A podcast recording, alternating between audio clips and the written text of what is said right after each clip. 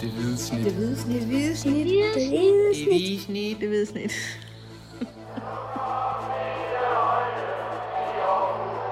Vores bedste dage, de ligger foran os. Let's fucking go, man! Sean Gauguin, han har lavet et par statuer af bronze, der hedder fodboldspillere. De står ude foran øh, det, vi i dag kalder Sears Park, og der har de stået siden 1936, og de har set det meste, som øh, AGF og andre, der har brugt øh, stadion for, for enden af stadionet, de har bedrevet på det her stadion. Øh, men lige om lidt, der øh, bliver det her stadion revet ned. Øh, på søndag, der spiller AGF mod Viborg FF, og det er den sidste kamp på, på stadion, som vi kender det. Øh, der kommer til at være en periode på halvanden år, hvor, hvor AGF stadigvæk skal spille her for enden, øh, kan man sige, øh, hvor det sådan no, ligner nogenlunde sig selv. Græsplænen bliver flyttet en lille smule, og de begynder at rive den ene tribune ned. Øh, men som sagt, den her kamp mod Viborg, det bliver sådan den, den sidste kamp, hvor, hvor det ligner sig selv. Øh, og det vi tænker så at, at markere her på det hvide snit. Øh, men en lille snak om de øh, bedste øh, og nok også dårligste, for det, det er meget relevant, når det er det her emne, vi snakker om, oplevelser på det her stadion, der blev indvidet i 2001, og øh, ja, her godt 22 år efter, så har allerede har udspillet sin rolle. Ikke? Øhm, mit navn er Dennis Bjerre, og sammen med mig der sidder Kim Robin Gråhede Det er mig. og Mathias Masnikar Hansen. Det er ham der. Ja. Skal jeg sige noget? Ja, det er jo meningen i en podcast jo. Nå, nå. Jamen, Men- hej. Hej med jer. Ja, Mathias han er folkeskolepraktikant, og han er lige med i dag. Øhm, bliver langt. Ja, det kan jeg godt mærke. Øhm, nej, altså, apropos, øh, at du ikke er folkeskolepraktikant, så øh, da jeg sad og researchede på det her, der, der øh, jeg, jeg tror, jeg udtaler det nogenlunde, som det skal si- siges, øh, Sean Gorgin. Det, Øhm, det lyder fedt. ham, der lavede de her øh, statuer, der står ude foran stadion. Øhm, og da jeg researchede på ham, der, der står der så simpelthen inde på Wikipedia, at han er morfar til øh, Aske og Luna fra Bamse. Det synes jeg var så betagende. Det må være rigtigt, når det står på Wikipedia. Ja. Og jeg, jeg kan se på Kim, at øh, han næsten ikke ved, hvad, hvad Bamse og Kylling er, men øh, jeg, det synes, jeg synes, det var en fascinerende øh, oplysning at få, at, øh, at det er simpelthen deres morfar, der har, der har lavet de statuer, der Det står kan godt derude. betale sig research en gang imellem. Ja, lige præcis. Ja, det, det, kan, det er jo så egentlig et spørgsmål, kan man sige, om det var nyttig viden, ikke? Men øh, jeg synes i hvert fald, det var interessant. Vi, øh, vi, skal, vi har ligesom aftalt, at, at øh, der er jo selvfølgelig blevet spillet rigtig mange fodboldkampe på de her 22 år, men vi, øh, vi vil finde en, det, vi kalder en god, og det, vi kalder en dårlig oplevelse hver, øh, at byde ind med. Øh, selv kan jeg lige sige, at jeg var i, øh, i parken i går og se FC København mod Manchester United. Uh, se mig. Øh, ja, lige præcis. Øh, og der tænkte jeg faktisk, dengang jeg sad og så den øh, fodboldkamp, inden jeg mistede humøret alt for meget, øh, hvor, hvor langt AGF er fra det, der foregår derovre i København. Altså AGF, de skal jo trods alt øh, spille på det stadion om en måneds tid, men, men altså alt, hvad der foregår, lige fra man kommer ind af, af døren til det show, der ligesom kører, og selv sagt modstanderen og, og, øh, og scenen osv., det, det er egentlig ret vildt at tænke på, synes jeg, at, at de spiller i samme række i Superligaen. Det, det er i hvert fald svært at forestille sig, hvornår AGF de, de skal være med på den der bølge der. Det er selvfølgelig det, der er en del af missionen med at, at bygge det her nye stadion, og AGF skal derop og sådan noget. Ikke? Øhm, og det var jo også det, der var drømmende dengang, man byggede det her stadion i, i starten af det nye årtusinde, men eller, eller i hvert fald renoveret det. For, eller renoverede det, lige præcis. for det, det var i forvejen. Ikke? Lige præcis, ja. Men udover den tribune, de river ned nu, så, så er alt jo stort set øh, nyt af det, der er lavet derude. Ikke? Men det ligger selvfølgelig samme sted, som der har ligget et stadion i 100 år. Øhm, men det er lidt det med her, altså man kan sige, det, det er jo i stedet for blevet til et, et forbandelsens teater, eller hvad man skal sige. Ikke? Øh, Vi har spurgt ud på, på Twitter til, til AGF-fans, om, om de har nogle oplevelser fra, fra det stadion her, og langt de fleste, de det kan man sige, det er jo, det er jo negative øh, oplevelser, øh, dårlige kampe, nedrykninger og så videre, ikke? Øhm, der har jo så været et, øh, et par bronzemedaljer, trods alt. Øhm, Ja, tre nedrykninger, tre oprykninger, ikke? På Jo. bronzemedalje, ja. Og Ja. så et par europæiske øh, fiaskoer, kan man godt kalde det, ikke? jo, og så sejren over Honka.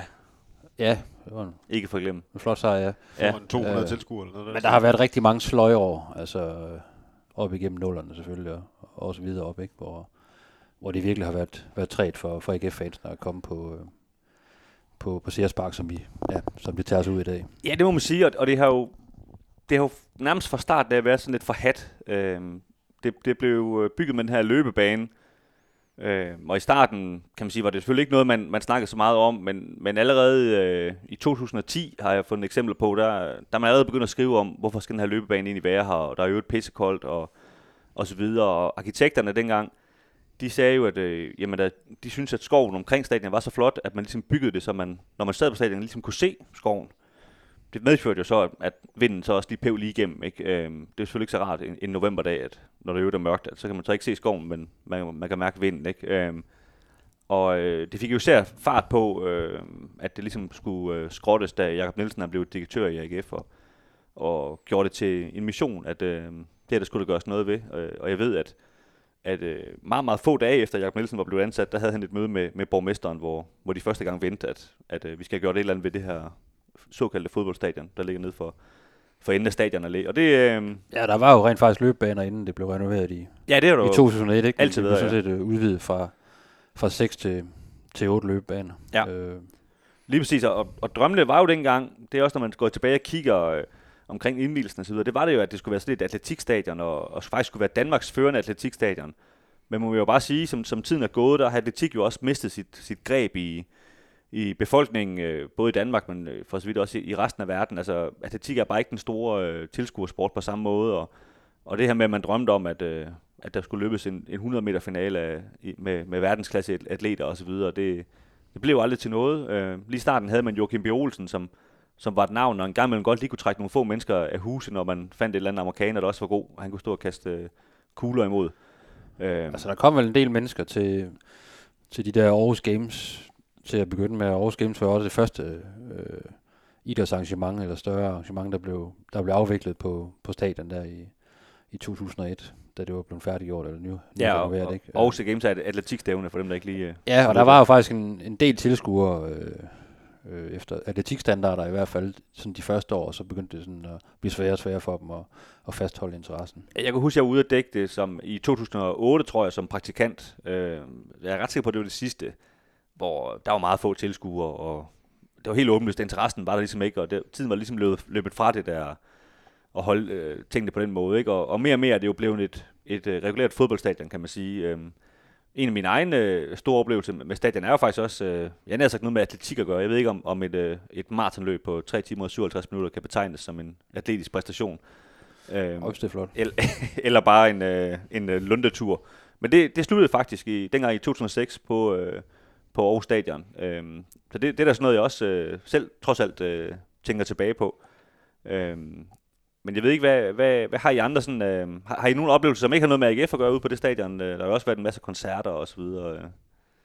Jeg har faktisk aldrig været til koncert derude. Så, Nej. Øh, så nej. Jeg har også været ude og se nogle atletikstævner, ja. Det er også sådan, øh, jeg har været på avisen siden 2006, så det, det har jeg også dækket nogle gange. Øh, Det var noget med den første kamp, du dækkede, der rykkede AGF ned, simpelthen. ja, eller de var faktisk rykket ned. Men øh, ja, så det var lidt tungt. Jeg, jeg startede der i foråret 2006. Ja, skide godt tidspunkt. Øh, og der, øh, jeg tror nærmest, de lagde ud med at, at tabe til Sønderjyske på udebane. Den første uge, jeg var startet, øh, godt og vel, og så fik jeg den første kamp, øh, hjemmekamp, og, og dækkede den sammen med Jens Skovby, tror jeg faktisk. Øh, hvor det jo så var rykket ned, men, øh, men hvor det var, det var ret tungt, fornemmede man på, rundt på tribunerne. det vil jeg sige. Nå, men nej, Mathias, nu, øh, nu drillede vi dig lidt før, men du- du er lidt yngre end os andre, og, og heller ikke født i Aarhus, men hvad, hvad er det sådan dit forhold til det, der hedder Sears Park i dag? Jamen, mit forhold til, til CS Park er den samme, det samme forhold, som jeg egentlig har til AGF. At de er øh, overalt, hvor man kommer i Jylland, så er AGF det hold, øh, man hader allermest. øh, og øh, sådan er det også med Aarhus Stadion.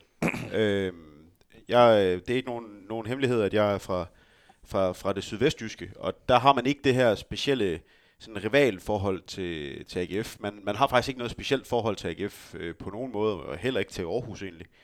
Øh, men, øh, men, men hver gang snakken kommer ind på det stadion, så, så var der kun øh, få ord at sige om det, og det var, at det var pisse ringen stadion. Og øh, det var sagt af de fleste ned fra, fra mit lokalområde, som i øvrigt aldrig havde været på stadion garanteret. Øh, så, så det var, da jeg første gang var, var på stadion, det var faktisk en, en, øh, en kamp i første division. En kamp mod, øh, mod Skive, der endte øh, 2-2. Øh, jeg har en, øh, en god kammerat, som jeg gik i, i gymnasiet med, som, som er AGF-fan, som havde taget os med til Aarhus, og jeg tror, der sad øh, 5.500 tilskuere inde på, på Sears Park og så øh, Kim Aabæk øh, flugte et mål ind, og Skive kom foran 2-0. Øh, og, øh, og det var et, øh, det, der kan jeg huske, at, at jeg fik sådan en fornemmelse af, at jeg godt kunne forstå, hvorfor folk havde det øh, med, de, med den her løbebane, men, men jeg kunne også øh, fornemme, at det var øh, et sted, der godt kunne, kunne eksplodere på de rigtige dage. Også selv i første division, hvor, hvor der jo intet øh, eksploderede overhovedet. Øh, man kunne godt fornemme, at hvis man kunne fylde det stadion op med Aarhusianer, med den lyst, som der er til fodbold i den her by, øh, så, øh, så kunne der godt ske noget, der var ret magisk for danske fodboldstandarder inde på det stadion. Og det synes jeg, der er kommet herhen de senere år, modsætning til dengang, hvor jeg gik i gymnasiet for ja, efterhånden nu øh, 11 til, til 9 år siden. Altså, jeg, jeg synes jo, øh, som du siger, der, der har været et par kampe her på det seneste, som vi skal snakke om øh, lige om lidt, hvor, hvor stadion har været fyldt, og der har været god stemning.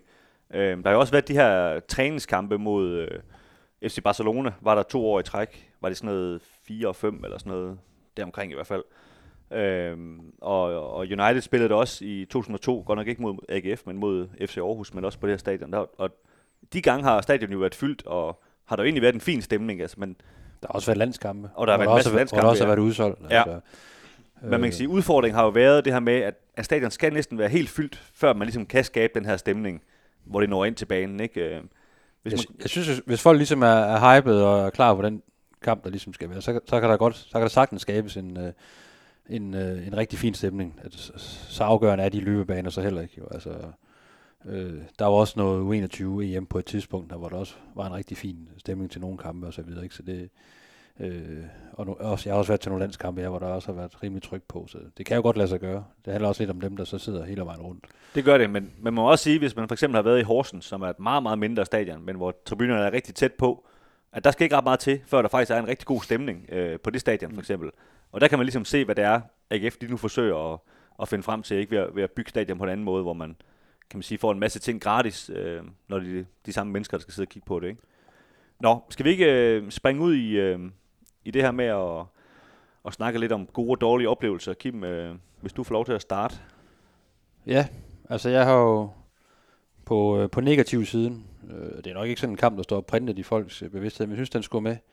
Fordi det jo ligesom var no, det, den officielle indvielse af, af, af stadion i dens nuværende form. Øh, der er jo 28. oktober 2001. Man har faktisk spillet på stadion i, i, i tre måneder på det her tidspunkt, men man har ligesom lagt den her officielle indvielse øh, øh, her sidst i, i oktober, og den fik på, øh, på alle tangenter med, med pigegarde og, og jeg ved ikke hvad. Var det ikke noget med, at Dennis, du har fundet Jamen, jeg- programmet frem? Jeg har fundet dagen? programmet frem. Øh, jeg kan jo lige øh, sige, at det er for Aarhus Stiftstidende øh, program, der er skrevet ned i. Og øh, Peter Vestergaard, tidligere chefredaktør, han havde... Øh, der er ligesom en artikel, der fulgte med. Nu skulle de jo møde Brøndby, som du nævnte. Øh, og han synes, øh, jeg kender faktisk lige øh, 96-kampen. Øh, så, så er stemningen ligesom også sat for, for det nye stadion. Ja. Ikke? Altså, velkommen til. Men jeg kan lige læse programmet op her. Øh, og I, I skal holde fast ved det. Er også lidt af en, lidt af en knaller, vil jeg sige. Øh, 13.30, der åbnes øh, portene til de første 600 børn, ifølge med en voksen, uddeles en gave. 13.45, underholdning ved Aarhus Pigegarde. Så er 14.20, så er der bilshow. Jeg ved ikke lige, hvad det indebærer, men øh, det har nok ikke været Monster Trucks. 14.35, underholdning ved Østjysk Musikforsyning. 14.50, det er så højdepunktet går ud fra, rådmand Niels Erik Eskilsen fra SF, han holder en åbningstale. Og så var der så lidt blomster til John Jensen, der spillede øh, 100 kampe for, for AGF. Og så Og den åbningstale har garanteret været pivfed, fordi højtaleren var jo netop berygtet for dengang at være decideret elendig. Ja. Altså, så man kunne faktisk ikke, nogle steder kunne man ikke høre, hvad der blev sagt, og andre steder, der var man ved at få sprængt sine trommehinder. Så, øh, så det har været en stærk oplevelse at høre. Ja, og med, med, med far for, at du kommer ind på det, så, øh, så var det jo også kendt for det her stadion, da det åbnede, at, øh, at da man kom ind første gang, så havde man skulle lige glemt at lave en, øh, en måltavle. Ja, øh, jamen det, ja, det har jeg også lige... ja men øh, Der var, der var, der var simpelthen ikke, der, der havde ikke været råd til at lave en, en rigtig måltavle, så man havde sådan en lille en, der, der lige kunne vise, øh, hvad stillingen var. Og den var så på den ene lange side, så det vil sige, hvis man sad på den lange side, så kunne du, så kunne du slet ikke følge med. øh, du må følge med i kampen ja. Ja. og se, om der bliver scoret. men der måtte man lige vente lille år, indtil byrådet de kunne, de kunne afsætte nogle penge igen, så der kunne komme en, en måltavle op, så, så alle kunne se. Men øh, ja, take it away. Så det var ja, en rigtig Aarhus historie, ikke? Altså, og det var jo også, et, altså, det var jo også et, et stadion, der, der langt hen ad vejen, det, det her nyrenoverede stadion blev, blev latterligt gjort af, af alle andre, alle andre, der kom til, øh, øh, som ikke synes det var noget særligt fedt stadion, og også i forhold til det, du, du, du fortalte, øh, Mathias, altså, det var, det var elendigt, øh, en elendig tilskueroplevelse, synes mange, der kom udefra, og øh, Øh, Jeg har engang været på Tidsbladet, og der var jo øh, god gamle Per Højer Hansen. Han, han kaldte det notorisk øh, det kommunale bumsestadion, øh, når, når, han skrev, når han skrev om Aarhus. Ikke? Og Nils Jørgen Brink, øh, der også var på Tidsbladet, han kaldte det bare øh, atletikstadion hver gang, selvom AGF reagerede på det hver gang. Men han blev ved med at bare kalde det for atletikstadion. Så der var sådan en, øh, en tone omkring det her stadion. Det var ikke... Øh, det var ikke særlig, øh, det var ikke imponerende. Det var noget, der ligesom bare var sådan øh, tapet, klistret sammen, øh, fordi kommunale midler nogle gange var, men det, det fungerede ikke rigtig i, øh, i, i praksis. Og, og det er nok en vigtig pointe, du siger med kommunale medier, midler, for det, det var jo netop et kommunalt byggeri, ja. Som skulle være til, altså, det hele Aarhus skulle bruge. Hvorimod det, der bliver bygget nu, det er AGF, der skal bruge Ja. det. Og der var jo en langstrakt politisk proces frem mod, at det så stod klar her i, øh, i, øh, i 2001, allerede fra, jeg tror det var allerede i, fra, fra 95 og sådan noget, med, med, med borgmester Torkel Simonsen i spidsen, og, og frem og tilbage. Nu skulle man have det her topmoderne stadion, øh, og man skulle også have noget arv og sådan noget. Der skulle virkelig ske noget i, i, øh, i Aarhus, ikke? men det blev sådan lidt en, eller det blev en lappeløsning langt hen ad vejen også. Øh, og der var mange politikere, der ligesom insisterede på, at det ikke bare skulle være et fodboldstadion, der skulle også være atletik og, og, og så videre. Ikke? Så der var, der var hæftige debatter, kan man sige. Ikke? Øh, jo, på, på en måde kan man sige, at man, man er måske lidt for hurtigt ude i forhold til i årene efter. Der er der rigtig mange af de her fodboldstadions, der er i Superligaen i dag, der blev bygget, hvor man, altså de ligner jo hinanden, mange af de her fodboldstadions i virkeligheden, ikke?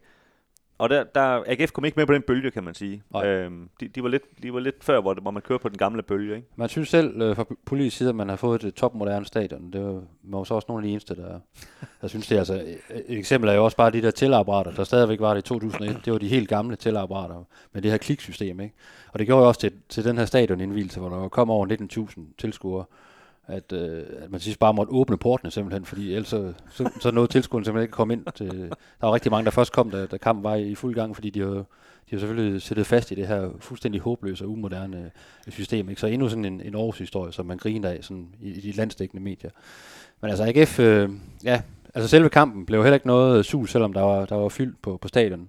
For første gang AGF taber, taber 2-1 til, øh, til Brøndby, og, og, det er jo altså en sæson, hvor man, øh, man er rigtig dårlig øh, igen, kan man sige. Ikke? Og faktisk er tæt på at rykke ned, ja, men øh, man ender på den her 10. plads. Øh, øh, ja, så det var øh, et stadion til, til en halv milliard kroner, der, der fik en, en rigtig hård start, kan man sige, på, på alle parametre. Og altså det hold, de stillede med, hvis jeg lige skal læse op, så er der jo ikke Bøje på mål, der er Leon Andresen, Mads Riber, Ken Martin og Boris Øskan i, øh, eller hedder han Baris? Ba- Baris, Baris, ja. Baris, Øh, i, ba- I øh, bagkæden, ikke, så er det Allan øh, Borgret, der var røget ud på en kant. Han var en, egentlig angriber. Og så var der en Anders Bjerre, en Liam Miller, Mickey Doyle øh, på midtbanen. Og så var det Masukiewicz og Tom Christensen helt, øh, helt foran. Og så øh, havde man øh, Novonovic og Risum, der kom ind fra, fra bænken. Så kan man jo selv vurdere, om man synes, det var et øh, brandgodt øh, mandskab, man havde dengang. Ja, og det, man skal jo huske, at nu nævnte jeg lige den her 96 kamp. Altså det, her, det er trods alt kun fem år efter, at AGF de har spillet med i helt i toppen af Superligaen og, og vundet sølv og bronze to år i træk og så videre. Og, og her kan man sige, at helt åbenlyst jo, det ruten jo virkelig startede. Ikke? Ja. Altså, og den allerførste kamp, man spillede på det her nye stadion, det var så tre måneder inden, hvor man tabte 1-3 på, på hjemmebane til, til OB, og en måned efter den her stadion, så taber man så kunne hjælpe med 1-6 til, til Esbjerg, så det, det var en hård start for, for det nye fine øh, stadion i, øh, i Aarhus. Ja, tonen var ligesom lagt. Øhm, som jeg tror, jeg nævnte øh, tidligere, så, så har vi spurgt ud på, øh, på Twitter, øhm, hvad AGF-fansene de ligesom har af minder for det her, det her stadion. Jeg, jeg vil lige læse op sådan imellem vores øh, historie her, så vi lige øh, får et par inputs. Øh, Rasmus Thomsen, han skriver, øh, hans gode minde i 2002, sidste kamp i sæsonen, AGF vinder 4-0 på, han skrev så Sears Park, det tror jeg ikke, det hed dengang. Øh, sikker overlevelse i ligaen, herefter baneinvasion og stor fest på banen. Spillerne hyldes blandt andet på balkongen ved A-tribunen. En 17-årig Mondonka scorede og nød også champagne på bal- bal- bal- bal- bal- bal- balkongen. Det var tider, skriver han. Det var jo mod, øh, mod Silkeborg. Øhm, en kamp, jeg faktisk også godt kan huske. Øhm, men det var, det var den her, kan man sige, de sikrede så overlevelse, som Rasmus skriver, ikke? Og, og det er jo den sæson, du egentlig også øh, taler om her, ikke? Hvor, hvor man jo troede, at AGF godt kunne rykke ned. Øh, vi tager lige en enkelt mere her. John Stamme var, var cheftræner. Ja, her i- præcis. Ja. Øhm, Carsten Gregersen. Da der var opløb derinde ved Aarhus Marathon, og jeg gennemførte mit fjerde, men fodboldmæssigt har det også godt, øh, har, det også, øh, har det ikke været mange højdepunkter.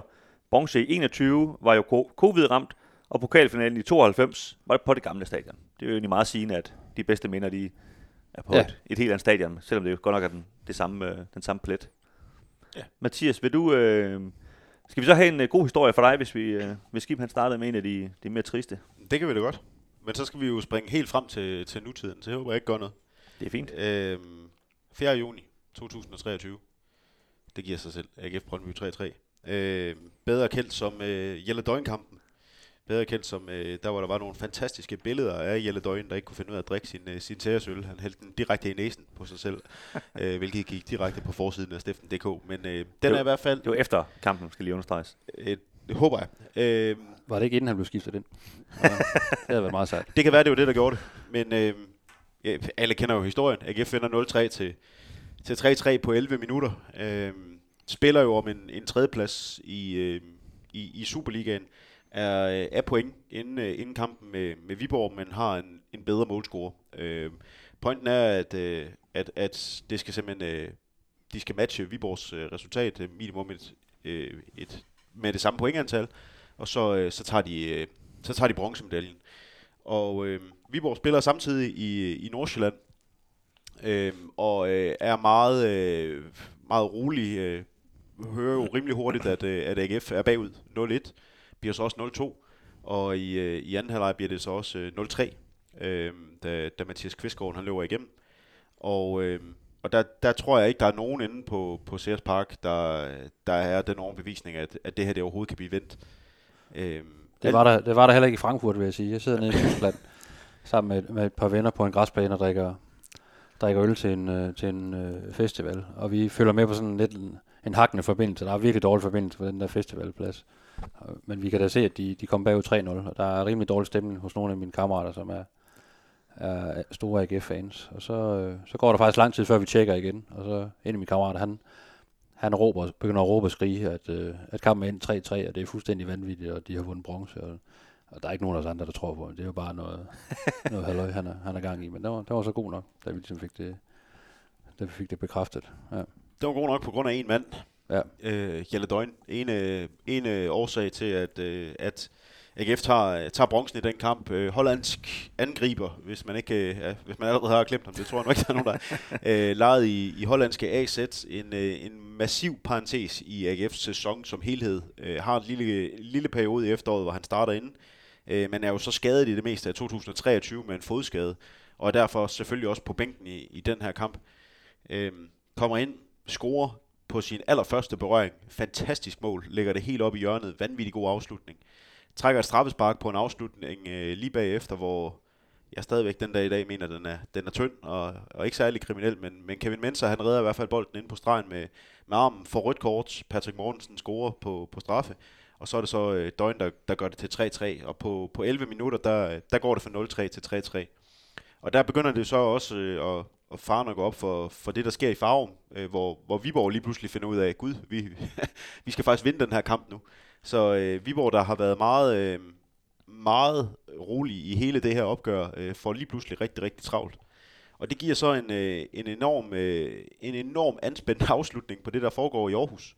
Fordi første reaktion, da der bliver flottet af af, af dommeren øh, i Aarhus, det er jo, at alle jubler. Og det gør de i cirka halvandet sekund, og så bliver der fuldstændig stille inde på stadion.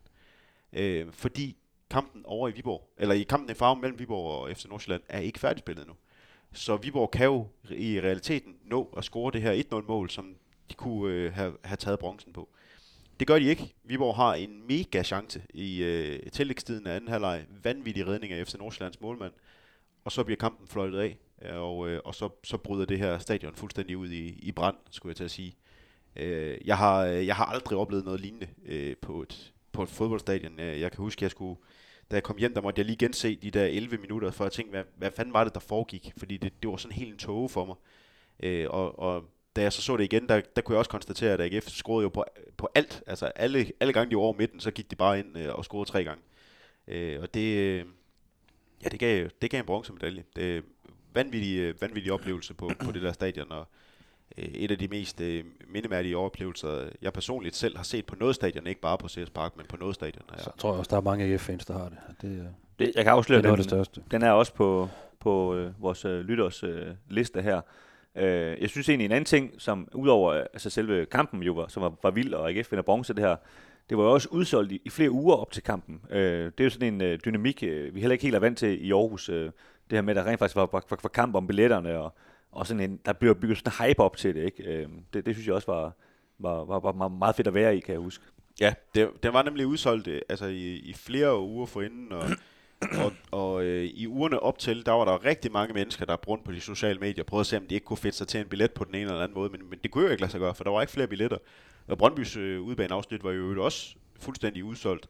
Øh, og så, øh, jamen, så, så er det bare en, en helt vild, øh, en, en helt vild måde, at det hele det bliver gjort på. Øh, det ene ting er jo selvfølgelig, at, at det bliver gjort, og noget andet er også, at det betyder bronze. Noget tredje er, at det betød, at man var sikker på at skulle, skulle spille i Europa. Øh, Viborg øh, skulle ud i, i en playoff-kamp mod FC Midtjylland, som de endte med at tabe. Midtjylland, som havde rigtig, rigtig godt gang i, den, gang i den på det tidspunkt. Og det havde virkelig været sådan et kæmpe øh, sus, øh, som man fik, øh, fik banket direkte ind i maven, hvis man skulle ud og spille mod Midtjylland i endnu en kamp for at se, om man kunne komme i Europa. Fordi så, så havde man jo ligesom fået, fået en, et nyrehug øh, i første omgang, og hvis man så også tabte den mod Midtjylland, så, så, så røg alt glæden jo bare ud i den der sæson. Så øh, den, den måde, det blev gjort på, det der comeback, og så er Jelle Døgn af alle mennesker, som, som lige pludselig øh, var, øh, var Rivaldo eller, eller, eller Pelé lige i 11 minutter, det er, det er noget af det mest vanvittige, jeg, jeg har set.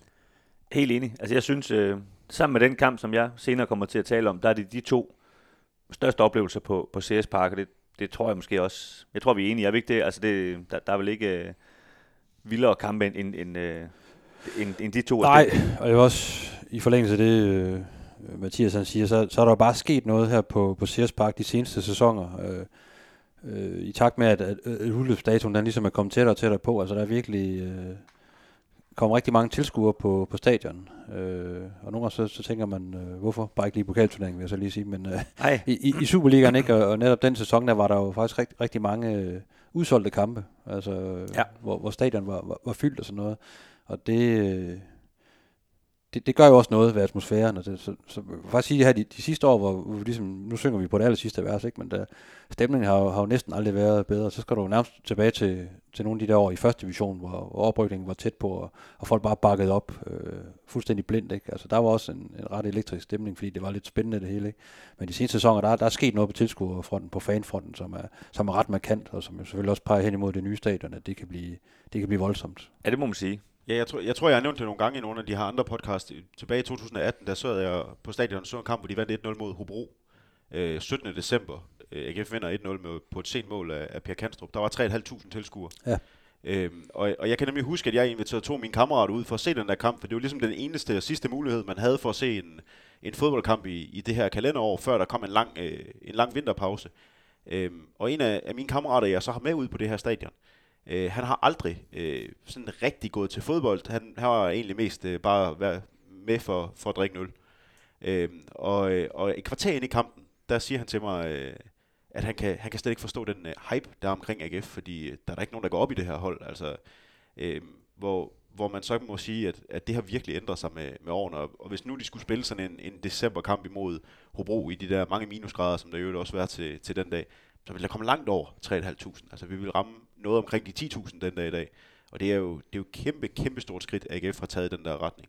Og det, det er, som I nævner med de her udsolgte kampe også, det der gør den der 3-3 kamp så vild, fordi den havde ikke været helt, jo det havde stadig været en vild kamp, men det havde ikke fyldt helt lige så meget min bevidsthed, hvis der kun havde siddet 10.000 på, på stadion til sådan en, en, en, en meget, meget vigtig kamp, som man ville have fornemmelsen af, det ville have gjort, hvis den kamp var blevet spillet fem eller seks år forinden. Nej, vi kan jo drage parallellen til den anden bronzekamp, øh, hvor, som sjovt nok også var mod Brøndby, som AGF jo tabte noget lidt, men de var sikre, at de skulle have en bronzemedalje. Men det var jo under corona, ikke, hvor, hvor så der var meget få tilskuere. Jeg kan ikke huske, hvor mange der var. Halv stadion måske, eller sådan noget. Så der var jo slet ikke den samme øh, oplevelse på stadion. Øh, det var der så herinde i byen, i stedet for et på rådspladsen, hvor, hvor folk øh, gik amok. Ikke? Men, men kan man sige, på den måde står den kamp jo ikke som sådan en, en stor kamp for, for CS Park, vel? Øh, delvist også på grund af corona selvfølgelig. Jeg hoster lige af her, og så, øh, så vil jeg fortælle om øh, Kasper Tips, der har en, øh, en oplevelse. Øh, han skriver her, en øh, ny maskot, Aros, skulle præsenteres. Meningen var vist, at han skulle komme ud af en iglo ved en AGF-scoring. Den scoring lå vente på sig. Jeg mener, det endte med at være til en fæsende reducering i en allerede tabt kamp. Øhm, jeg kan godt huske, der er noget om den her historie med, med Aros. Jeg har faktisk øh, brugt øh, også for længe på at, øh, på at undersøge det i dag. Øh, jeg tror, det hænger sådan sammen, at, øh, at han faktisk... Altså AGF indfører, at vi, vi har fået en maskot, Aros, Isbjørn, du skal ind i en iglo. Du skal kun vise dig, når AGF scorer. Du skal ikke vise dig på andre tidspunkter. Det er et meget fedt det, job. Ja, lige præcis. Det tænker man, det tænker man, det er en god idé. Øh, I den første kamp, der går så øh, 78 minutter, inden AGF scorer mod FCK, øh, hvor han kom ud, og ja, okay, det var der bygget op til, og det var skide godt, og AGF spiller 2-2 i den her kamp. Og så vidt jeg kan forstå på, på reportagen, det er tilbage i 2003, som, som Jan Skovby har skrevet, dengang han, han jo arbejdede på avisen også, øh, og ikke bare var, var chefredaktør. Øh, der, øh, der, er ligesom, der, der er sådan en brøl i løbet af kampen, så han ligger ligesom og brøler ind i den her iglo, og det er skide sjovt bygget op og sådan noget. Men, men løbende, så altså, er det jo så stadigvæk sådan resten af sæsonen, at den der maskot viser sig kun, når AGF scorer. Og der er jo nogle kampe, hvor blandt et 0-5 nederlag til OB, hvor, hvor de ikke scorer. Så den der maskot, den sidder jo bare i en hel kamp ind i en iglo, og bliver, viser sig aldrig på noget tidspunkt. Og der går det måske op for, for AGF-ledelsen, at ja, okay, det er måske ikke den bedste brug af, af den her maskot øh, i virkeligheden, at, øh, at den kun er herinde. Så, så det blev jo så lavet, lavet om løbende, ikke? Øhm, man kan sige, det, det er jo selvfølgelig en den her en af de her lidt, lidt, lidt øh, bøvede historier, som AGF jo også i den her tid, vi, vi snakker om, øh, har været øh, eksperter i, må, må vi sige, i galehus-æraen. Øh, ikke? Øhm, øh, en anden ting i den samme kategori, som øh, Kasper Thims han, øh, han også nævner, og det er den øh, kamp, jeg vil, vil tale om som, øh, som et lavpunkt. Øhm, øh, 29. november 2007, øh, AGF øh, skulle møde FC Nordsjælland. Øh, men det viser sig, øh, at øh, det kommer ikke til at ske på, på den dag. Jeg gik selv, jeg var i praktik på stiften på det tidspunkt, men skulle ikke, øh, skulle ikke dække kampen, så jeg skulle bare ud og se det sammen med en kammerat, og vi går op ad øh, Wilhelm Bæks vej, og så møder vi nogen, der kommer, kommer gående imod os, som så siger, øh, I kan godt vende om, øh, kampen er aflyst. Og vi synes, at altså, det var da noget mærkeligt noget at sige, altså hvad, hvad er det for noget ævl, og vi gik videre, og vi kunne lige så godt fornemme, der kommer faktisk rigtig mange mennesker imod os her, hvad, hvad går det egentlig ud på?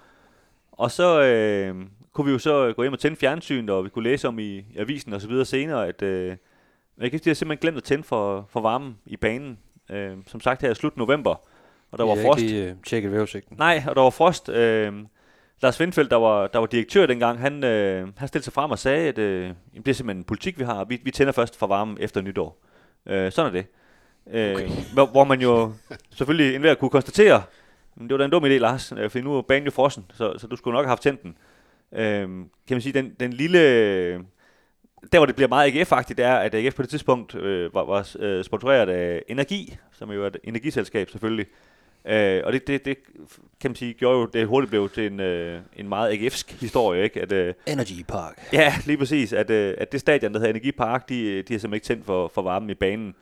Øh, de skulle møde FC Nordsjælland, som sagt, som havde Morten Vihors på det tidspunkt som træner. Og han øh, var stor fortaler for, at kampen jo ikke kunne spilles, fordi at, øh, at den var for hård, og han vil jo gerne spille fodbold på en, på en bestemt måde og så videre. Det, det, det er jo ikke så skide godt på den slags baner der. Så han, han stod ligesom og talte hårdt for, at, at, at øh, det, det kan ikke lade sig gøre. AGF vil meget gerne have, spillet kampen. Øh, men, øh, men til sidst er det jo dommeren, der bestemmer sådan noget, og han sagde ligesom, at den er, den er uforsvarlig at spille på. Så, øh, så de må spille den øh, to eller tre dage senere i stedet for. Øh, kampen ender i øvrigt øh, 3-3, øh, og meget symptomatisk øh, også for den tid var, at øh, altså AGF ikke ender med at vinde kampen. De vil føre ellers 3-1. Peter Gavlund scorede et, øh, et hat-trick lige frem. Øh, dem har der ellers ikke været mange af på, på CS Park. Jeg tror også, at Larsen har lavet et på et tidspunkt. Øh, men, øh, men Nordsjælland udligner til sidst, øh, og det gør faktisk, at, øh, at AGF på det tidspunkt kommer op på, øh, hvor mange kampe står der? 1, 2, 3, 4, 5, 6, 7, 8. Det er den 9. hjemmekamp i træk, hvor de, øh, hvor de ikke vandt. Øh, I den sæson vandt de kun to ud af, af 16 hjemmekampe, men på mirakuløs vis, de faktisk med ikke at rykke ud. Det var den her øh, 7-8 sæson, hvor, hvor de var oprykker til, til Superligaen. Ikke? Øh, de slog øh, jo få dage efter den her Nordsjælland-kamp, slog de så efter Midtjylland 2-0 og fik en, en succesoplevelse Sådan. øh, på hjemmebane. Men øh, man kan sige sådan, ja, altså man kan sige, det, er, det er selvfølgelig ikke kampen i sig selv, jeg husker, men den der oplevelse af, at ja, selvfølgelig fungerer det heller ikke. Selvfølgelig har I ikke, ikke, ikke tændt for varmen. Jamen, jeg kan huske, jeg, jeg dækkede jo kamp, og, og til at skrive nogle af de artikler omkring det. For der, der tog man jo ikke bare hjem som journalist, så skulle man jo begynde at grave i, hvad, hvad der var op og ned. Og der var ikke sådan en uddelt tilfredshed i, i Nordsjælland-lejren i hvert fald, så, så, så det skrev vi lidt om, men da vi lige hørte det første gang, der tænkte man jo også bare, hold nu kæft, altså. Det var bare en eller anden øh, fotograf, der, der, der spillede smart og skulle sige et eller andet interessant, ikke? Men øh, altså, det var så god nok, da man kom ind i presserummet og ligesom kom tættere på det hele, at, øh, at øh, ja, man har glemt at tænde for varmen. og når det er frostgrader, så er det jo en meget god idé at have noget varme i. Ja, og det, problemet var også, at man, øh, man åbenbart vandet banen øh, tidligere på dagen også, som jo så har en rigtig dårlig effekt i frostvejr, øh, når man ikke har varme i banen osv. Så, videre. så, så der var, der var rigtig mange piler, der pegede på AGF selv i den situation, der, hvor de så, så rigtig dumme ud. Øh, jeg husker, der var også en aflysning øh, for nogle år siden mod Randers, Ja. i en forårspremiere, hvor, hvor det, det var jo noget vandmængder, ikke, som øh, de ikke havde styr på. Jo. Øhm, jeg husker ikke så meget om årsagen til det og så videre, men det, det var i hvert fald også en, en anden... Øh, Jamen, der har været et par, par klassiske Aarhus historier der, øh, kan man sige. Jeg ved ikke, om jeg lige i forlængelse af det, så lige skal binde en, en lille historisk sløjfe også, fordi vi har allerede været inde på det omkring den her, min sådan første rigtige kamp ude på, på Sears Park, og det var så sæsonen, der ledte op til denne her, hvor, som du også siger, de, de rykkede jo ned for første gang af de her tre nedrykninger, der har været på det her stadion. Det var jo 2006, hvor, øh, hvor OP var kommet til som, som træner i, i vinterpausen, og de faktisk allerede var, nær, mere eller mindre var, var rykket ned, og de, de døjer virkelig også med at vinde fodboldkampe det her forår. Øh, jeg tror faktisk kun, de, de kommer kun til at vinde øh, en kamp i hele foråret under, under OP. øh. Og det er faktisk, det er faktisk lige inden øh, den her UB-kamp, øh, som vi så taber 2-0. Og- Men det er jo sådan, ligesom den her kamp, hvor, hvor det rigtig går op for, for Aarhus, øh, AGF er rent faktisk i første division nu. Ikke? Altså, og det var første gang i, i næsten 30 år, eller 29 år i hvert fald, og det var 452 kampe i den bedste række øh, i træk, ikke? og så skulle man så ned i den næstbedste række. Kæmpe slag til, til byen og til selvforståelsen og til, til klubben selvfølgelig, ikke? Og, og, og til fans. Og det, kunne- og, men man kunne først sådan rigtig mærke det i den her sidste kamp, selvom de var rykket ned, altså fire runder inden, hvor de tabte ned i, i Sønderjylland til, til Sønderjyske, så, så som det først gik op for folk her, og, og folk øh, væltede ind på banen, og sådan, og jeg ikke rigtig vidste, hvad, hvad, hvad der var, der lige var, var sket. Men det var, det var de barske realiteter, og, øh, der, ligesom, øh, der ligesom ramte Aarhus her, og det var så altså bare den første af, af de her tre nedrykninger, vi alle sammen øh, kender så meget til, øh, som har været på det, på det her stadion. Ikke? Noget, noget helt øh, genialt, det var jo øh, dagen efter øh, nogle af de artikler, vi lavede, der, der har vi blandt andet en, en overskrift, hvor, hvor cheftræner UVP, han, øh, han, er, han er citeret for at sige, at det var et rigtig flot nederlag. Altså, så, så gjorde man virkelig fat i, fat i det, det, det positive i, i, i alt det, det virkelig gråmelerede, ikke? Øh, Midt i en nedrykning og endnu et nederlag, ikke? Men, øh, er det stærkt nok at blive citeret for, det var et jeg flot synes, spillerne havde gjort det fremragende, havde vist god vilje, og der var noget at bygge videre på til, frem mod, mod sæsonen i, i første division. Det må man så give ham al respekt, at han, øh, han fik jo rent faktisk øh, bygget et hold op, der kunne rykke op igen, trods alt. Men øh, Ja, og det er altså efter en sæson, hvor de kun vandt fire kampe ud af, ud af 33. Han var så kun, øh, og han vandt en af de, de 33 Ja. ikke, i hans. Men, øh, ja, man må give ham, han fik bygget noget op, og, og, og blev egentlig lidt en kultfigur i, i Aarhus og omkring AGF, ja. Ja. Så det synes jeg lige, den, den skal også lige med som selvfølgelig et negativt resultat også, fordi det ligesom markerer første gang AGF øh, rykkede ned. ja, og det, det, det er den eneste af de her op, øh, nedrykninger, vi, vi, vi kommer til at snakke om, men, men det gælder selvfølgelig for alle de her nedrykningskampe. Der er jo selvfølgelig også OB-kampen, hvor de tager 3-0, og, og jo faktisk kunne have, have reddet sig i, i 2010, må det være, ikke? Øh, som mange sikkert også husker. Øh, Toge han skriver her på, på Twitter, øh, som jeg jo stadig kalder det. Husker to forfærdelige kampe. 2005 hjemme mod Nordsjælland, hvor Mads Joko scorede hat Fadesen i 2019 mod Silkeborg, hvor man havde inviteret 22.175 mennesker til fodboldfest. To gange sætter en føring over styr, og må se plafministeren ødelægge det hele. Og, og vi kan jo lige følge op på, på Toge og sige, at altså, man havde inviteret endnu flere mennesker, fordi de kunne ikke være på stadion. Øh, de måtte der sidde var- nede på løbebanen. Der var og så videre, proppet, ja. Ja, der var også nogen, der gik hjem. Jeg har Øh. også nogen, der gik hjem, ja. Øhm, også, også, øh, altså igen endte det jo sådan, og det, jeg ved med på, når, når først man har det ry, så bliver det jo sådan hurtigt, nå, nu, nu, nu er AGF lavet en historie igen, ikke? Men det der med, at man, man, man overbooker stadion, ikke? Og så står folk lige pludselig nede på løbebanen og så videre, ikke? Det, det, der skulle have været en rigtig, rigtig god historie, ender jo så sådan lidt en, lidt en pinlig historie lige pludselig, fordi man så også tager til Silkeborg, der på det tidspunkt var, var et rigtig dårligt hold. Nu, øh, nu klinger det jo lidt anderledes. Jamen modsat jer, så var jeg jo faktisk på, på tribunen som øh, i går så en almindelig tilskuer. Jeg, jeg går ud fra, at Gratist. to var på... Ja, det var jeg, jeg var slet ikke til den kamp, jeg var i USA på det tidspunkt, Nå, nå, men øh, jamen så. fint nok. Held og lykke med det. Så øh, jeg, jeg, øh, jeg havde en, en billet, og, øh, og det havde jeg så med, med en af mine gode kammerater, som er sådan lidt øh, laissez-faire, når det kommer til tidshåndtering. Øh, så øh, halvanden time inden kampstart, der havde jeg sagt til ham, at øh, jeg synes faktisk, vi skal til at gå ind for, for alt for længe, for der kommer vanvittigt mange mennesker, og alle, der har prøvet at være ude på Sears Park med mere end 10.000 tilskuere, de ved jo, at det kan være en katastrofe, når man skal ind af, af de der tællerapparater, som, øh, som Kim Robin han nævnte før. Øhm, Nej, de har vel fået nye siden, ikke? Eller et andet system. Jo, men Det du håber kan jeg. stadigvæk godt øh, ende med at stå rigtig, rigtig lang tid Ja. i kø. Det, øh, det må jeg sige. Det ved Kim jo ikke noget om. Han betaler aldrig for at komme ind. Nej. Jeg er også gratist. Øhm, og, øh, og han siger, ah, hold nu kæft, altså, det, det finder vi ud af. Øh, vi kommer ud på, på stadion øh, en halv time før, og øh, kommer ind på, på stadion øh, i det sekund, øh, kampen bliver flottet op. Og det gør vi kun af den årsag, at kampen vist, øh, så vidt jeg husker, er udsat med et kvarter. Øh, vi, øh, vi har jo ingen pladsnummer, hvilket jo skaber et, et større kaos, når vi skal sidde på, på den nedre tribune. Øh, og det gør jo, at, øh, at vi skal jo bare sætte os et eller andet sted. Øh, men overalt, der sidder mennesker jo bare på brandvejene. Øh, fordi det her med at stå nede på løbebanen, det var der jo faktisk ikke i starten af kampen. Der, havde, der var jo bare blevet lukket alt for mange mennesker ind, og så finder de ud af, gud, vi skal lige have gjort et eller andet her. Så der, det er først der, de begynder at indhegne løbbanen, så man rent faktisk kan komme derned og stå.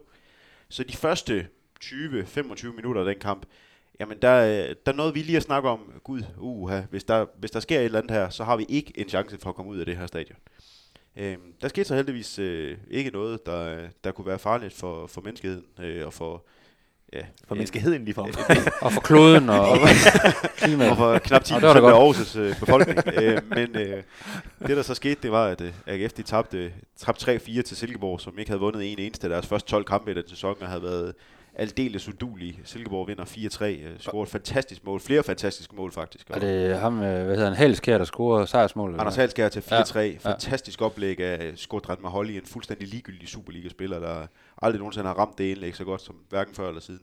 Øh, en, af de, en af de vildeste fodboldkampe, hvis man bare kigger på fodboldkampen i sin helhed, som jeg nogensinde har været en, en del af, men, øh, men fra AGF var det jo en, øh, en katastrofe at være foran både øh, 2-1 og 3-2 mod øh, et Silkeborg-hold, der på det tidspunkt var ja, jammerligt. Jeg, jeg husker den kamp for, for de der haler, der er, der er efter de her AGF officials, der render rundt og prøver at finde plads til folk. Så er der sådan en hale af mennesker øh, efter de her, øh, hvor de sådan går på kryds og tværs og ned på løbebanen op. Og, altså, prøver at finde nogle, nogle pladser, nogle steder, hvor folk kan sidde. Og der bliver så også sat stole ned på løbebanen og sådan noget. Det var, det var vanvittigt. Altså. Og øh, jeg, jeg tror faktisk, det er faktisk det, altså det er bronzesæsonen, ikke? Det er jeg faktisk ret sikker på, under David Nielsen.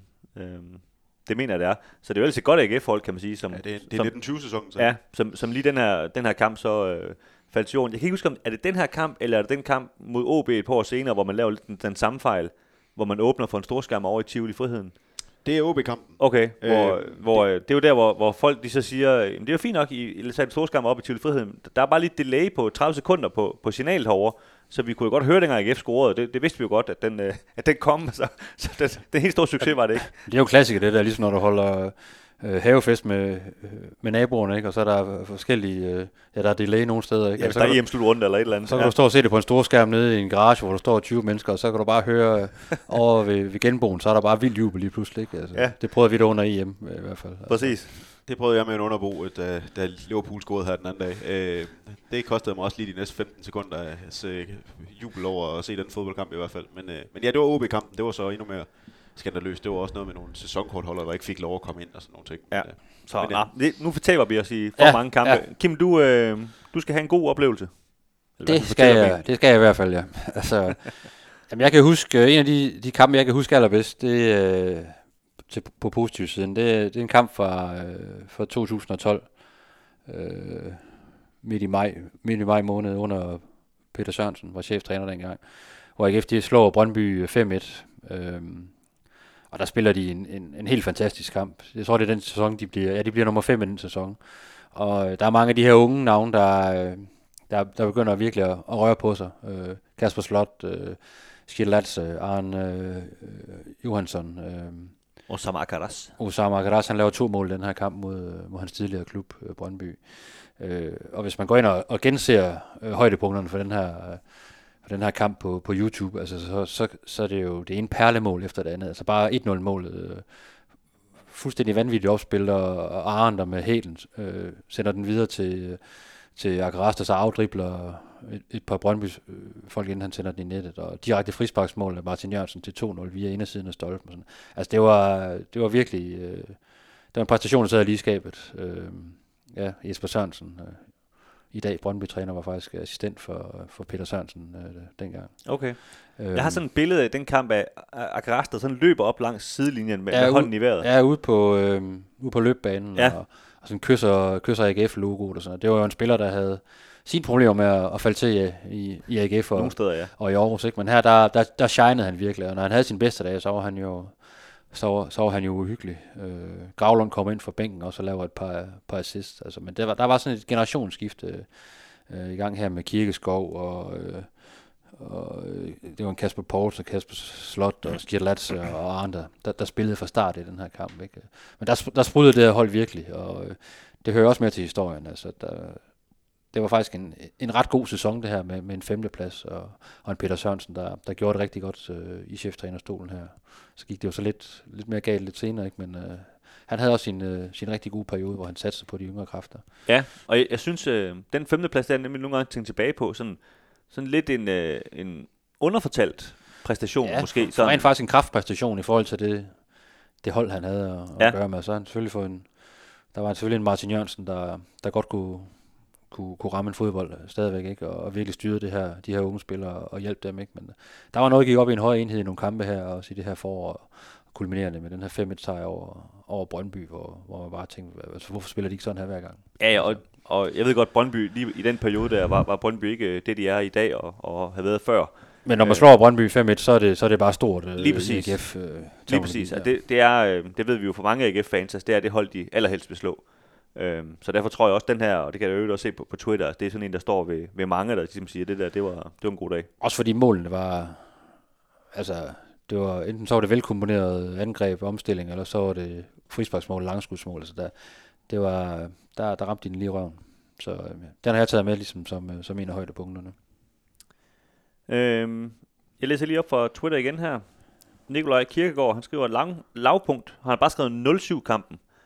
Øh, Ja. ja. Nu nævnte du Brøndby, Kim. Øh, jeg går ud fra, at vi er enige om, at, øh, at det er øh, Glenn Edersholms øh, AGF-hold, der i, hvad, 2017? 16. 16? August 16, ja, i starten af sæsonen. Ja. Taber, øh, taber 0-7 øh, ja, på hjemmebane. 0-4 står der ved, ved pausen, og øh, den store skurk, det er jo øh, Jamaldin øh, Kostadniasov, den her herlige russer, der var omkring AGF en, en del år, som jo får et rødt kort efter øh, et kvarter, tror jeg, der er spillet, hvor han, øh, han taber bolden midt på banen, og så har Pukki egentlig frit løb, og så laver han en nødbremse, og så ved alle jo godt, hvad, hvad der sker, og så var det, ja, så var det op ad bakke for, for AGF øh, resten af kampen, og de bliver altså skilt ad, altså pulveriseret fuldstændig. Øh, og skal egentlig være glade for, at de kun taber, taber 7-0. Øh, En absurd sæt. og, det, og, og det var jo så, øh, selvom man så siger, at vi var en mand i undertal og så videre, sådan lidt United øh, mod, mod FCK. Men, øh, Tak for min mom, ja. Ja. ja, men dagen efter, der, altså, der, de skriver faktisk et åbent brev, spillertruppen, øh, trænerne og lederne, hvor de undskylder over for fansene for, for hvor dårligt det egentlig havde været, og de simpelthen bare øh, ja, gav op, som så det ud udefra. Ja. Ikke? Altså, øh, det, det er det største øh, nederlag, AGF nogensinde har haft i Superligaen, så øh, det, det siger jo sig selv, det, og så lige til Brøndby selvfølgelig, Ja.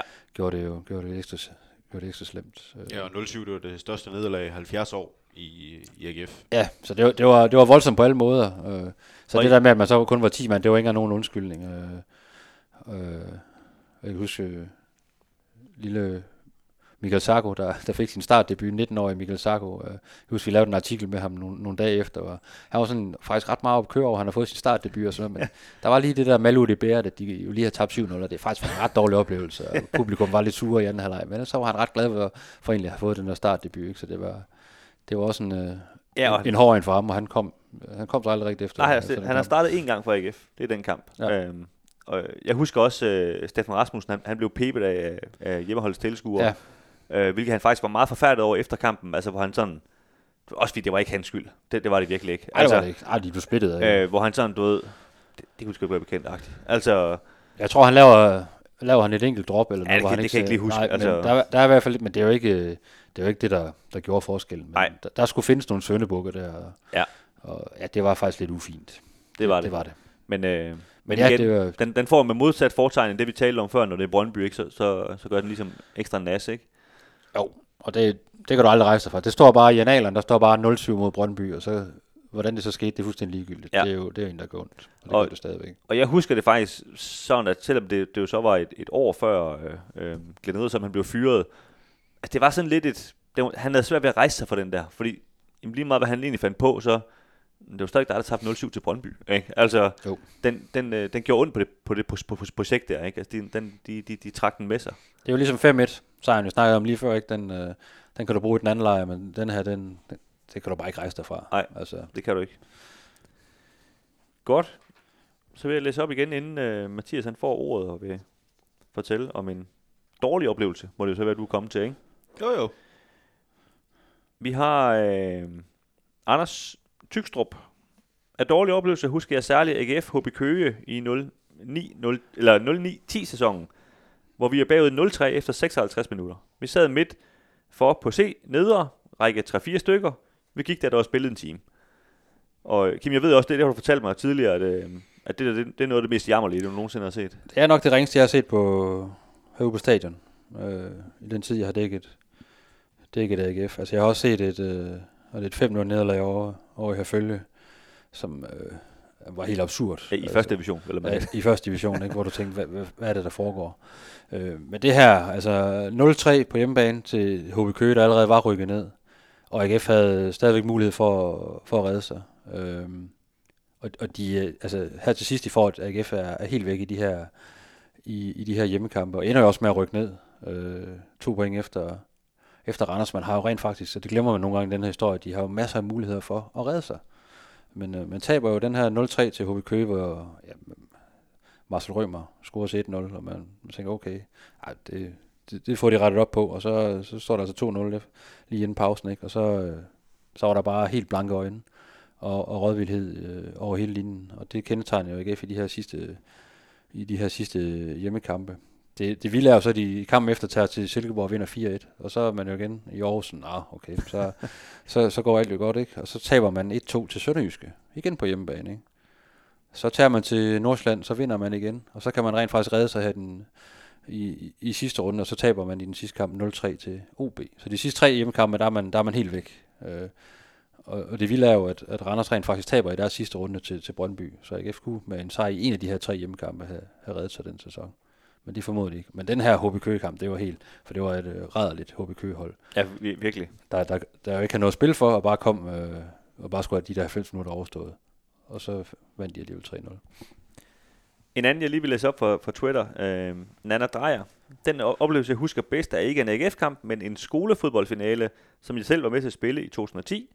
At få lov til at spille øh, på netop den bane, stadion, var en vild oplevelse. At vi så også vandt, gjorde ikke oplevelsen dårligere.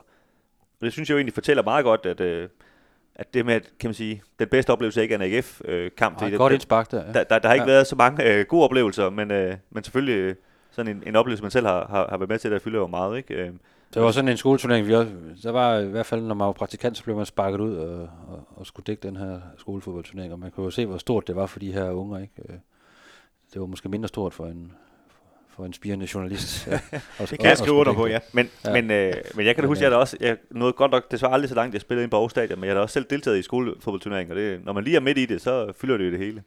Ja, men du spillede så på en skole i Tranbjerg, så der var ikke nogen chancer. Ej, det er det, sige, vi fik, vi fik et par kampe, hvis øh, vi, var så heldige. Jeg kan faktisk huske, at øh, øh, jeg tror, han hed Olav, vores øh, lærer, som jeg tror ikke, han var så meget fodboldmand, men han var lige blevet sat til at stå for det der. Og han havde så en taktik, hvor han siger, vi skal gå under, under opvarmningen, og så sige, at en bestemt spiller, han, han er rigtig, rigtig god, så de andre kun dækker ham op. Det var, han, det var hans taktik. så Hvilket, hvilket taktisk geni. det var, det var niveauet. Øh, Ja. Men apropos det, så vil Mathias gerne tale om en øh, helt særlig AGF-kamp. Ja, jamen øh, jeg vil tale om øh, Larne. øh, 1-1 hjemme mod Larne. Øh, dagen efter, at øh, AGF havde øh, spillet den her fiasko-kamp mod nordirske Larne, der var det selvfølgelig øh, forsiden på, øh, på Aarhus Stiftstidende, hvor, øh, hvor overskriften var, øh, Jon Dagurs dumheder sendte AGF ud i det europæiske mørke. Øh, den stod blandt andet sammen med, at, øh, at der var, var en, en kælder fuld af historier og fin vin på Nords Minde Kro, og et Aarhus Bryghus leverede masser af øl til deling, til mad og til nydelse. Øh, så det var en hæs blæsende dag for Aarhus Stiftstidende den dag. Ja, der Nå. er så der mange aviser, den der, ja. Ja, øh, og det er, øh, det er noget af det, det mest groteske, øh, jeg kan huske fra, fra dansk fodbold med negativ fortegn. Øh, det var de her, de her to larnekampe. Øh, en ting er jo, at man spiller 1-1 på hjemmebane øh, mod, mod Larne, spiller en øh, rigtig dårlig kamp. Øh, Jon Dago Thorstensson bliver udvist i øh, første halvleg, først for at få et gult kort for Skamysler, og dernæst øh, for at prøve at filme sig til et efter en halv time spil. Øh, det, er meget, øh, det var meget Jon Dagursk øh, at gøre det på den måde. Han levede virkelig op til det, det, den fodboldspiller, han var i den, i den kamp. Øh, så øh, kommer, kommer de her Nordjæv, Gud hjælp mig, på 1-0, efter en gigantisk fejl af, af Frederik Tinger, der bare smider bolden væk. Øh, og det mål, som øh, AGF udligner på ved Patrick Olsen, er, er et straffespark. Øh, og en ting er jo, er jo hele den fadese, man leverede i den kamp. 1-1 mod, mod det der nordjægerske hold, øh, som nok ville gøre sig et sted i, i anden division. Det var jo, det var jo for ringe. Men det var alt omkring den her kamp, der også gør, at den lige nok til det her opgør, det var, det var helt skørt. Det starter med, at man spiller over i, i, øh, i Nordjylland, hvor, øh, hvor sådan bulletingerne fra, øh, fra AGF er, at det er et klassisk britisk mandskab, man skal ud og møde hvorefter man møder et hold, der spiller på kunstgræs og spiller sådan noget Nordsjælland-fodbold.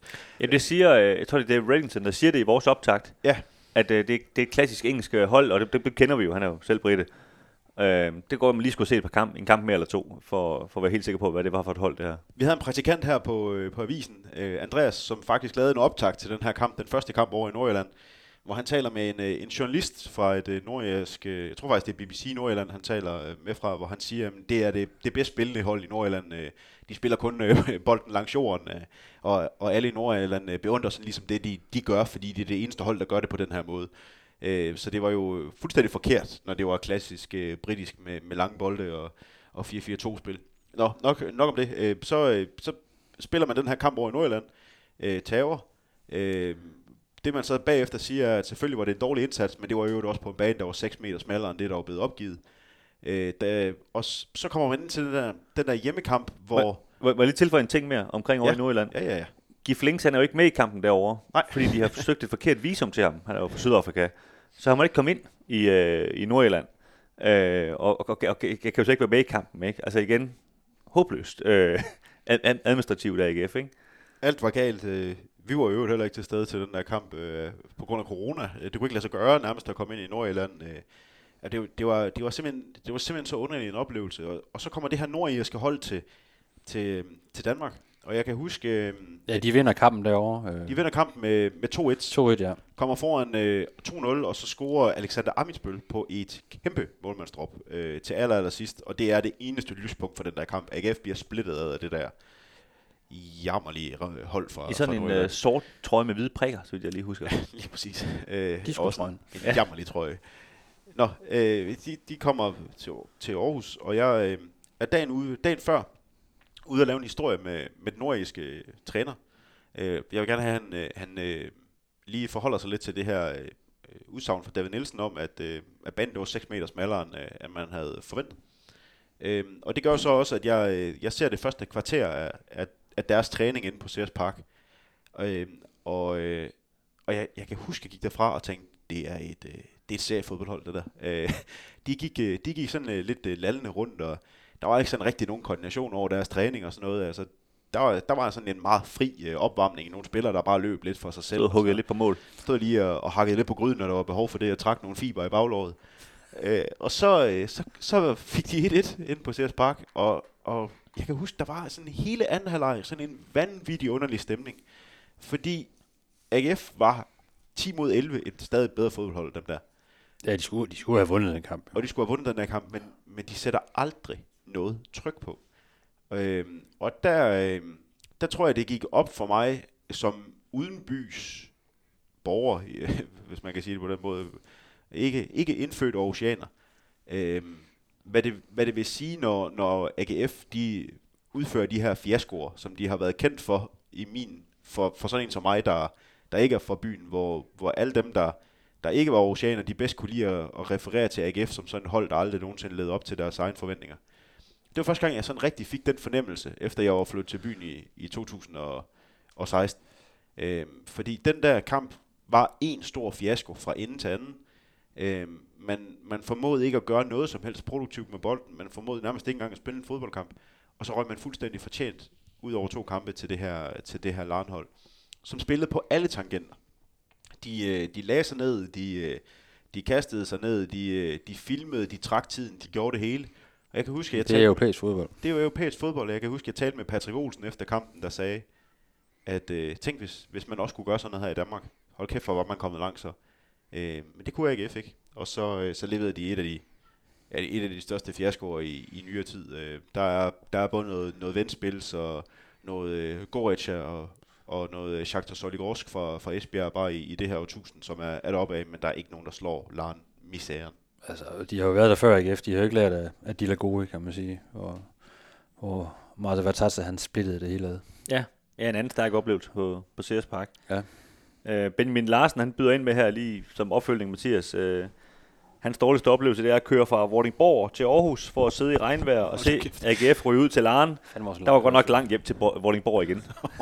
og det øh, kan man jo egentlig godt følge ham i. Det kan jeg skrive under på. Min lillebror, han bor i Vordingborg. Det er nogle utrolig lange øh, køreture frem og tilbage. Ja, hvor det, er det ikke noget, man altid ser en traktor, når man øh, tager den tur, eller Du hvordan? ender altid bag ved en, øh, enten en traktor eller en majtærsker, så snart du drejer ind på landevejen mod Vordingborg. Op, øh, for slagelse, ikke? Så, Ja, jo kæft en lang tur. præcis. Så jamen, det er også langt væk at bo, hvis man er AGF-fan. Men Morten Olsen han er fra Vordingborg, så alt er godt. Ja, lige Ja. det. Nå, jeg vil også øh, lige have en, øh, en succesoplevelse ude på øh, Sears Park. Jeg har valgt... Øh, Du sidder og strutter af begejstring. ja, fuldstændig. Og et stort smil. Jeg, ved, der har gået en time her podcast. Jeg føler også, at vi snart skal til at runde af. Men, ja øh, det føler jeg også. men, men jeg skal lige have den her med. Øh, 2016, pokal semifinale. Øh, AGF mod, mod OB. Øh, lidt ligesom Kim, eller hvor det Mathias' øh, 3-3-kamp, så tror jeg, mange de, øh, de godt kan, kan huske den, ikke? Men øh, AGF vinder faktisk 2-0 i, øh, i den første pokal semifinale op i Aalborg. I Olleren. Og, øh, og kan man sige, Aarhus begynder ligesom at fornemme, det kan jo faktisk godt lade sig gøre det her. Og OB er et rigtig godt hold på det her tidspunkt. Øh, har vundet mesterskabet, øh, eller faktisk the, the, the, the, the double i 2014. Så, så et hold, man virkelig har, har respekt for. ikke. Men øh, AGF kommer selvfølgelig med et rigtig, rigtig godt udgangspunkt til den her hjemmekamp, hvor man er foran 2-0. Øh, Glenn Edersholm, han møder øh, nogle fans ude foran stadion, som øh, de går ligesom sådan en march op mod stadion. Og han siger blandt andet til dem i en, i en megafon, øh, jeg håber, vi i fællesskab efter kampen kan fejre det, men først skal vi huske, at der ligger et kæmpe stykke arbejde foran os. Jeg vil ønske AGF alt det bedste, og jeg garanterer for, at, at, at vi sammen er vi stærke, og det er nu, vi gør det, drenge. Øh, jeg har set video af det her klip, øh, hvor man kan sige, han, altså Glenn har jo ikke helt det her Dan, øh, Dan, David hedder han. Øh, Dan Nielsen. Dan Nielsen, ja. David Nielsen øh, attitude. Kan vide, om øh, Dan Nielsen havde været den samme, hvis han hed Dan? Det er jeg ikke sikker på. Jamen, det er en helt anden snak. Nu skal du vi lige, øh, nu skal du lige koncentrere dig ja, præcis. Nu Jeg har travlt, det var sådan, det var. Øh, han har jo ikke helt den her David Nielsen øh, karisma, vel? Øh, men han får ligesom op det her, og, og jeg, jeg byder især mærke i den her, øh, at efter kampen skal vi fejre det i, i fællesskab. Øh, det vender vi jo så tilbage til, som, som folk måske godt ved. Øh, men, øh, men Kim, vi har, vi har faktisk senere øh, lavet en artikel om den her kamp, hvor, hvor vi har snakket med blandt andet Glenn Riddersholm om, hvad der skete. Øh, og han fortalte om, om nede i omklædningsrummet, at, at han kunne fornemme fra, øh, fra, fra, da de kom ned før kampen og skulle holde den her pep-talk, at, øh, at de, de var ekstremt nervøse, spillerne. Altså, de var fuldstændig rundt på gulvet. Og han prøver ligesom at, at banke dem lidt op, men, men han kan faktisk godt fornemme allerede det, han sender dem ud, at, øh, Det bliver svært i dag. Ja, kan, kan jeg vide, Ja. hvordan det her det, det kommer til at gå. Øhm, og OB, de, øh, de blæser AGF bagud. Altså, AGF, de står fuldstændig på hælene. Øhm, øh, og, og der går faktisk ikke længe, så, øh, så kommer de bagud 1-0. Øh, Thomas Enevoldsen, han, han har bragt OB foran, og man kan sige, at de her AGF-spillere er ligesom blevet bekræftet i, ja, vi vidste det. OB, de er, jo, de er jo for gode til os, selvfølgelig. Og, og der er jo lidt den her, ved, altså selvfølgelig skal det gå galt. Ikke? Selvfølgelig kommer vi ikke i parken. Øh, AGF kommer ned til pause bagud 0-1. Øh, burde have været bagud, bagud med mere, men, øh, men klarer sig ned øh, med, med 0-1. Øhm, Stefan Petersen han har fået et slag i, i hovedet i løbet af, af første halvleg, og det han, han, han har godt nok synes at, at han havde det lidt underligt op på banen, og det han kommer ned i omklædningsrummet, der, øh, der synes han lyset er rigtig skarpt og så videre, og lægen får kigget på ham og sagt, at øh, det er måske noget hjernerystelse, du har gang i her, så nu, øh, nu bliver du lige liggende hernede. Og han, øh, han forsøger at fumle en telefon frem og, og følger med, og lidt som vi talte om før, så, øh, så før at hans tv-signal viser, at øh, Nikolaj Thomsen han scorer til, til 2-0, så kan han jo høre det op på, på tribunen, at, øh, at der blev scoret. Øh, kuriøs detalje, så går hans øh, telefon løb tør for strøm, så øh, man, man skal jo ikke lidt til omklædningsrum, så han, han har fortalt, hvordan han efterfølgende bare ligger og lytter til, hvad, hvad der foregår. Det, det, det er et billede, Ja, det er smukke det billeder. er et billede, jeg godt kan lide, altså Ja. på en eller anden måde. Ikke? Meget spændende måde at, at opdage, at man kommer i, i en pokalfinale. Øhm, vi skal så huske, at, øh, at han har jo scoret til 2-0, men der står jo så reelt 2-2, så, så AGF er jo ikke ude endnu på noget tidspunkt her, men, men det er klart, at følelsen og stemningen er jo, at jamen, der, det er jo et spørgsmål om tid, før, før de scorer igen, OB, ikke? Øhm, men der sker det øh, mirakuløst, at øh, AGF faktisk, øh, det er som om det, altså, jeg husker det også som om for kampen, at, at det, det de ligesom udligner OB, det er som om AGF'eren tænker, nu kan det også være lige meget. Altså, nu må vi jo bare spille. Altså, nu, nu har vi ligesom mistet det, vi har bygget op. Øh, så nu, nu kører vi fremad. Øh, og der går faktisk ikke så længe efter det her øh, kan man sige, udlignende mål i godsøjen, før at, øh, at Kenneth Emil Pedersen han kommer til at score et, øh, et selvmål. Og ikke efter igen er foran. Øh, og herfra handler det selvfølgelig om at, at forsvare den hjem. Og, øh, og ja, det, det lykkedes så. Øh, for den øh, faktisk kun 14.000 tilskuere i, i godsøjen. Øh, der sker jo så det i, øh, i tillægstiden, at øh, Elmar Bjarnason han kommer fri. OB presser på voldsomt. Øh, og bolden kommer ind over til Elmar Bjarnason, helt fri for mål, scorer. Og så kommer den her baneinvasion, hvor jamen, altså, det er vel flere hundrede AGF-tilskuere, der, øh, der løber ind på banen og, og løber helt ind, i, helt ind på, på, på græsplænen. Og, og det gør faktisk, at AGF-spillerne når faktisk ikke at juble over scoringen, fordi de har mere travlt med ligesom at få, få de her fans øh, ud igen. Øh, og det er jo så voldtaget, både Jakob Nielsen og Jens T. Andersen, der var sportschef på det tidspunkt, øh, ligesom hjælper til med at, at, at gå ud og sige, at de skal gå væk. Og jeg kan huske, der bliver, der bliver råbt over højtaleranlægget, at, at, at folk skal forlade banen, ellers bliver AGF taberdømt. Det ja. råber han med det samme. Ja, der var rimelig meget panik. Stadionspeakeren, ja. ikke lige præcis. Og der er nemlig sådan en, en panik for, åh oh, nej, altså, altså har vi lavet den, altså, den mest AGF, eller alle AGF-ting, og rent faktisk at kvalificere os til pokalfinalen, men så blive udelukket efterfølgende. Ikke? Øh, og OB, de siger ligesom, der er snit til at, lige at, at presse på den her udvikling. Øh, sige, vi, vi går i omklædningsrummet, vi nægter det her. Vi, vi frygter for vores sikkerhed. Øh, eller hvad ved jeg, de har tænkt. Udover øh, Rasmus Wirtz, anfører for, for OB, og, og synes jeg på den dag viser sig som et øh, kæmpe mandfolk. Altså, han gider sgu ikke gå ned i omklædningsrummet. Øh, han, jeg tror ikke, han frygtede for sit liv lige frem. Og han bliver ligesom stående øh, lige ved, ved, ved, ved, ved, ved, ved, ved kridtstregerne, og står ligesom og kigger på det hele her, og signalerer ligesom til sine holdkammerater, kom op derfra. Altså, hold op med det der, ikke? Øh, og OB, de kommer tilbage på banen, og, og de sidste sekunder bliver, bliver spillet den her kamp, og, og AGF kommer i, i pokalfinalen, som jo selvfølgelig er en, helt anden historie. Øh. Ja, og det stikker endnu mere af, altså folk. Ja, lige præcis. Op ringe, lige præcis, og det, det, har vi snakket om flere gange, Kim, at, at øh, jo sørgeligt, som det så kan lyde, så er det jo den største oplevelse, vi har med AGF, ved at dække AGF, det er den her pokalfinale, som, som jo blev tabt selvfølgelig til, til FC København. Ja. Øhm, men, øh, men for mig er det her nok den, den største oplevelse, jeg har været med til på, på Sears Park, øh, fordi det var så, så euforisk, og øh, det, ja, selvfølgelig det her med, med baneløbet gjorde det jo ekstra voldsomt. Ikke? Øh, men det også var, fordi man virkelig man opnåede noget her. Man kan også sige, man opnåede også en bronzemedalje, ja, men som Jakob Nielsen også selv har været inde på øh, flere gange, øh, det er jo ikke noget, man, man vinder jo ikke bronze. Altså, det er, ikke, det er ikke at vinde noget på den måde, men det kan godt blive fejret som sådan, men det, her der kommer altså i en finale efter rigtig mange år, hvor der, hvor der ikke var sket en skid, kan man sige. Ikke? Ja, lige præcis. Så, så det var kæmpestort altså, for, for fans, det kunne man godt mærke. De, altså låt det røg bare af. Ja, det gjorde altså, det.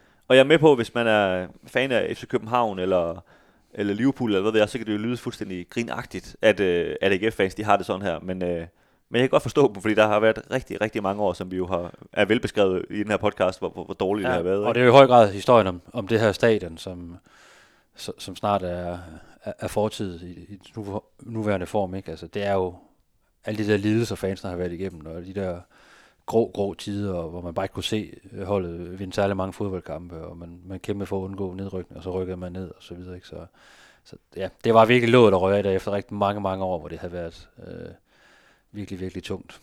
Det må man sige. Men øh, det er jo det for, for Ceres Park, han har sagt. Der er lige en kamp mod øh, Viborg på, øh, på søndag. Så der er faktisk flere, der har spurgt os om, hvad så med, med pokalkampen mod Brøndby? Øh, som vi også tidligere har, har skrevet i avisen, så, øh, så når man at flytte græsset en lille smule over mod det, der hedder C-tribunen. 10 altså meter, ja. Den ene langside, ja. Sådan at øh, man kan sige, at øh, græsset kommer til at være en lille smule et andet sted, så oven på løbebanen, kan man sige, øh, i forhold til, hvad der er nu, så man gør plads til, at man kan rive øh, den her VIP-tribune. I hvert fald gør klar til det, ja. Ja, gør klar. Øh, og det Men, gør, at man kan, man kan gennemføre den her pokalkvartfinale, der, øh, der bliver spillet her efter, efter sidste runde i, i, i Superligaen, men selvfølgelig kommer stadion jo til at, at tage sig ud lidt anderledes, og det er ligesom det første, første skridt mod, mod det nye stadion, så derfor kan man jo godt sige, at Viborg, Viborg-kampen er jo, er jo den sidste på, på CS Park, som, som vi kender det. Ja, lige præcis. Øh, men ja, som vi også indledte med, indledte med at sige, så, så AGF skal jo faktisk spille i, i øh, er det et års tid eller halvanden år. Øh, det er i hvert fald fra starten af 2025. Jeg kan ikke overskue, hvor langt der er til det. Ja, det må det, være et år. Det er jo et år. Det er jo hele 24, de skal spille ja. øh, ude på stadion, mens der så gradvist vil komme flere og flere gravemaskiner. Kender det, man, omkring. man i et splitsekund ikke lige kan huske? Er det marts eller er det november? hvad, hvad er vi i? Ja, jeg tror også, du sagde halvanden år tidligere, men... Øh, Ja. Ja. Øh, men, øh, men ja, de skal spille lidt, altså fra, fra starten af 2025 op i, op i Vejleby. Ikke? ja, og så halvanden år frem. Og, Ja. og ja, et år på hele 24 på, på Sears Park, men, men ikke som vi kender det, men på Sears Park som en byggeplads, kan man Ja, sige. hvor der kommer til at være plads til cirka 16-18.000 Ja. ja. tilskuere. Godt, jamen øh, vi vender tilbage efter den omtalte Viborg-kamp med en, øh, en noget mere sportslig udsendelse.